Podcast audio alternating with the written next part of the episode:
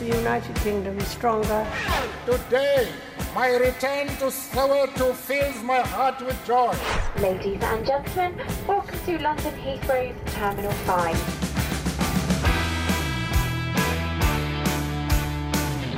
John Carlin, bon dia, bona hora. Bon dia, Roger. Com està, John? Molt bé. Ben tornat de l'Argentina? Ah, Sí, sí. Estuve hace, hace como 10 días, volví. Estuve una semana. No fui a cubrir elecciones, no fui como periodista, fui como persona normal, como civil. y fui a ver a, a amigos. Bueno, fui, el pretexto fue una reunión del año de mi colegio, porque yo viví en Argentina de pequeño. Quants anys hi vas viure a l'Argentina, tu, John? Yo viví en Argentina, en Buenos Aires, entre los 3 y los 10 años, con lo cual con 10 años yo era un pibe argentino total, o sea, hablaba inglés mal, por ejemplo. Y después, después de acabar la universidad en Inglaterra, casi el día siguiente me cogí un vuelo de ida a Buenos Aires y estuve tres años. O sea, Argentina es un país muy importante para mí. O sea, dos épocas de mi vida súper definitivas, formativas, mi infancia y, y el comienzo de mi vida adulta independiente. Però el, el teu pare era escocès i la teva mare madrilenya, no? Sí. I com és que veu anar per a Argentina tan petita? El van Sí. destinar allà al teu pare o com va anar això? Sí, sí, sí, sí. Bueno, no, no fui por mi propia voluntad con tres años. Nadie me consultó, me llevaron para allá. Em, mi padre lo, lo nombraron ahí primer secretario de la embajada británica. Com va ser l'aterrada allà d'un nen de 3 anys? Bueno, no recuerdo muy bien exactamente cómo fue, pero, mm, pero bueno, a- o sea, Argentina, por ejemplo, fue decisiva en mi vida en el sentido de que uno, em, soy futbolero y, y es casi inevitable ser un pibito argentino y no ser futbolero. Y mi vida ha tenido muchas vueltas, he vivido en muchos países, pero el hilo conductor siempre, el, único constante realmente ha sido el fútbol, así que ahí fue súper importante. Y, mm, y bueno, y, y ahora que volví a Buenos Aires, mira, como te digo, he vivido en muchos lugares. Yo no me siento que pertenezco a ningún, a ningún país realmente. Tengo pasaporte de aquí, pero no me siento español, me siento catalán. que ¿Para qué nos vamos a engañar? O sea, estoy muy bien aquí, pero siempre me siento extranjero. Y en Londres también. Y el lugar donde me siento menos extranjero, más así en casa, es Buenos Aires, porque vuelvo y, y veo imágenes y sonidos y olores de mi infancia y esto me, me pega fuerte. Conserves l'accent argentí? Series capaç de parlar en castellà amb accent? Totalmente. Cuando llego a, a Buenos Aires, eh, cambio al instante. O sea, por ejemplo, estuve con un, un, un taxista que me llevó de noche un viaje como 20 minutos. No, no, no le no reconocí que no era argentino. Le dije que vivía en Barcelona, ¿viste? Pero hice como si fuese argentino. Y él me creyó. ¿Y qué tal que por allá? Eh, lo estaba pensando, irme a este país de mierda, a España, ¿viste? Entonces, el- la gente piensa ahí que, que soy argentino. Es, es el acento en español que a mí me sale con más naturalidad. I, i, I quan ets al, al Regne Unit, eh, quin accent anglès tens tu? Com... Perquè, Ah, bueno, perquè, Regne- perquè, perquè a Londres hi ha molts accents, també. Sí, sí, bueno, en Londres y en Inglaterra. O sea, hay una variedad de acentos brutal. Y no te hablo de, de lugares de Glasgow o Irlanda del Norte, que yo directamente no los entiendo. Em, creo que mi acento en inglés es bastante neutral, bastante BBC. Però podries colar com a britànic. Ah, sí, sí, sí, sí, sí, sí, sí, sí, totalmente. No, o sea, yo Creo creo el que... passaport, yo- de fet, el tens, però sí, sí. Sí, no, pero cuando, mm, cuando era adolescente creo que cogí algo del acento, del acento londinense, cockney, pero después empecé a hacer radio. Yo hice mucha radio para la BBC y ahí como que se me cambió el acento y me volví más, no sé, ortodoxo. Creo que sería, o sea, sería imposible para una persona em, identificar de qué parte de Inglaterra soy, mientras que para la mayoría abren la boca, ya sabes que son de Liverpool o de Newcastle o de Birmingham o de, o de Londres o de Southampton, qué sé yo. I el català com el portes? Bueno, el catalán, no sé, es como una especie de, de- de bloqueo permanente. O sea, como ves, lo voy entendiendo bien, pero no me animo a dar el salto. T'hi atreviràs un Aunque- dia, tu creus, o què?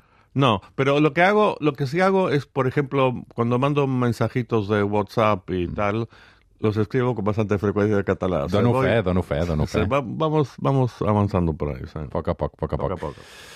A veure, John, t'he de posar aquest document. Ministerio de Turismo y Deporte. Sí, ¡Afuera! Ah. Ministerio de Cultura, afuera. Ministerio de Ambiente y Desarrollo Sostenible, afuera. Ministerio de las Mujeres y Género y Diversidad, afuera. Ministerio de Obras Públicas, afuera. Aunque te resistas. Ministerio de Ciencia y Tecnología e Innovación, algo bien del sector privado. Nada bueno salió del sector público, afuera. Ministerio de Trabajo, Empleo y Seguridad Social, afuera. Ministerio de Educación, adoctrinamiento, afuera. Ministerio de Transporte, afuera. Ministerio de Salud, afuera. Ministerio de Desarrollo Social, afuera. ¿Cómo queda el Estado? Ministerio de Capital Humano, Ministerio de Infraestructura, Ministerio de Economía, Ministerio de Justicia, Ministerio de Seguridad, Ministerio de Defensa, Ministerio de Relaciones Exteriores y Ministerio del Interior. Això eh, encara no era president, eh? Aquí encara Ja, no era sí, president. sí, Era una sí, promesa sí, electoral, sí, sí, sí, però, però és el nou president electe de l'Argentina. Sí. Ara ja sí, Javier Milei, Sí. que finalment es va imposar Sergio Massa. Sí. Um, què has de dir tot això, John? Bueno, em, leyendo la prensa aquí y también en, la, en Reino Unido, en Estados Unidos, hay una especie de, de- de pánico, como que ha llegado Mussolini al poder en, em, en Argentina. Y yo creo que, que no va a ser tan, bueno, estoy seguro que no va a ser tan caricaturesco su mandato en el gobierno como su, sus promesas y, tal la campaña electoral. Em, creo que em, se va a ver bastante restringido todas estas cosas afuera, como Ministerio de Educación y Salud, por favor, no va a ocurrir, no va a poder hacerlo. Eh, entre otras cosas porque simplemente no tienen los votos en el Congreso. O sea, en el Congreso argentino son como 260 diputados y él tiene 39, con lo cual va a tener que depender mucho de otros partidos. Em, y, y también, o sea, es notable que en la segunda vuelta de las elecciones moderó mucho su, su retórica, bajó el tono, entendió que estaba asustando a la gente. Y hay un elemento importante que el anterior presidente, eh, Mauricio Macri, que es como de centro derecha, aquí sería como PP, eh, ha asumido un papel tipo eminencia gris eh, con él ahí como y, y- y está hablando con él. Ya empezó durante esta segunda fase de la campaña electoral ya se han reunido después y Macri creo que le está em, enseñando que ya esto de ser el enfant terrible de la, de, de- la política no va cuando eres presidente. Tienes que empezar a reconocer los límites de lo posible. Hay que ser un poco más adulto. Y ya hay señales. O sea, no sé si lo viste, Roger, pero antes de, de las elecciones describió al Papa Francisco, que es argentino como él, eh, como un imbécil comunista afín a asesinos como Castro y Maduro, tal cual lo dijo. Un par de días después de, de ganar las elecciones le llama el Papa Francisco.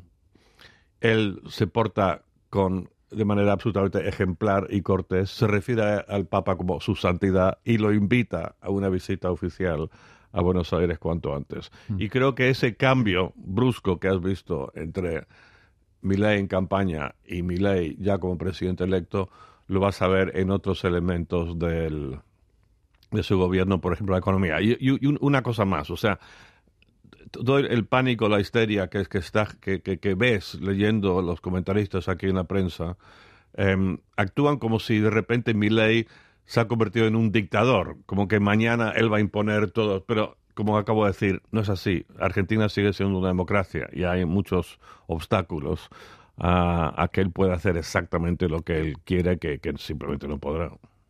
y el honor que implica ser el primer presidente liberal libertario de la historia de la humanidad. Tenemos la determinación para poner de pie a la Argentina y salir adelante. ¡Viva la libertad, carajo!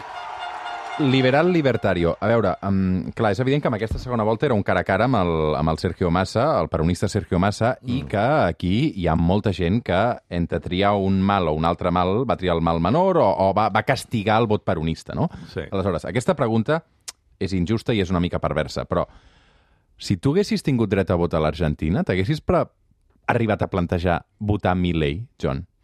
Em, com a vot de càstig al peronisme?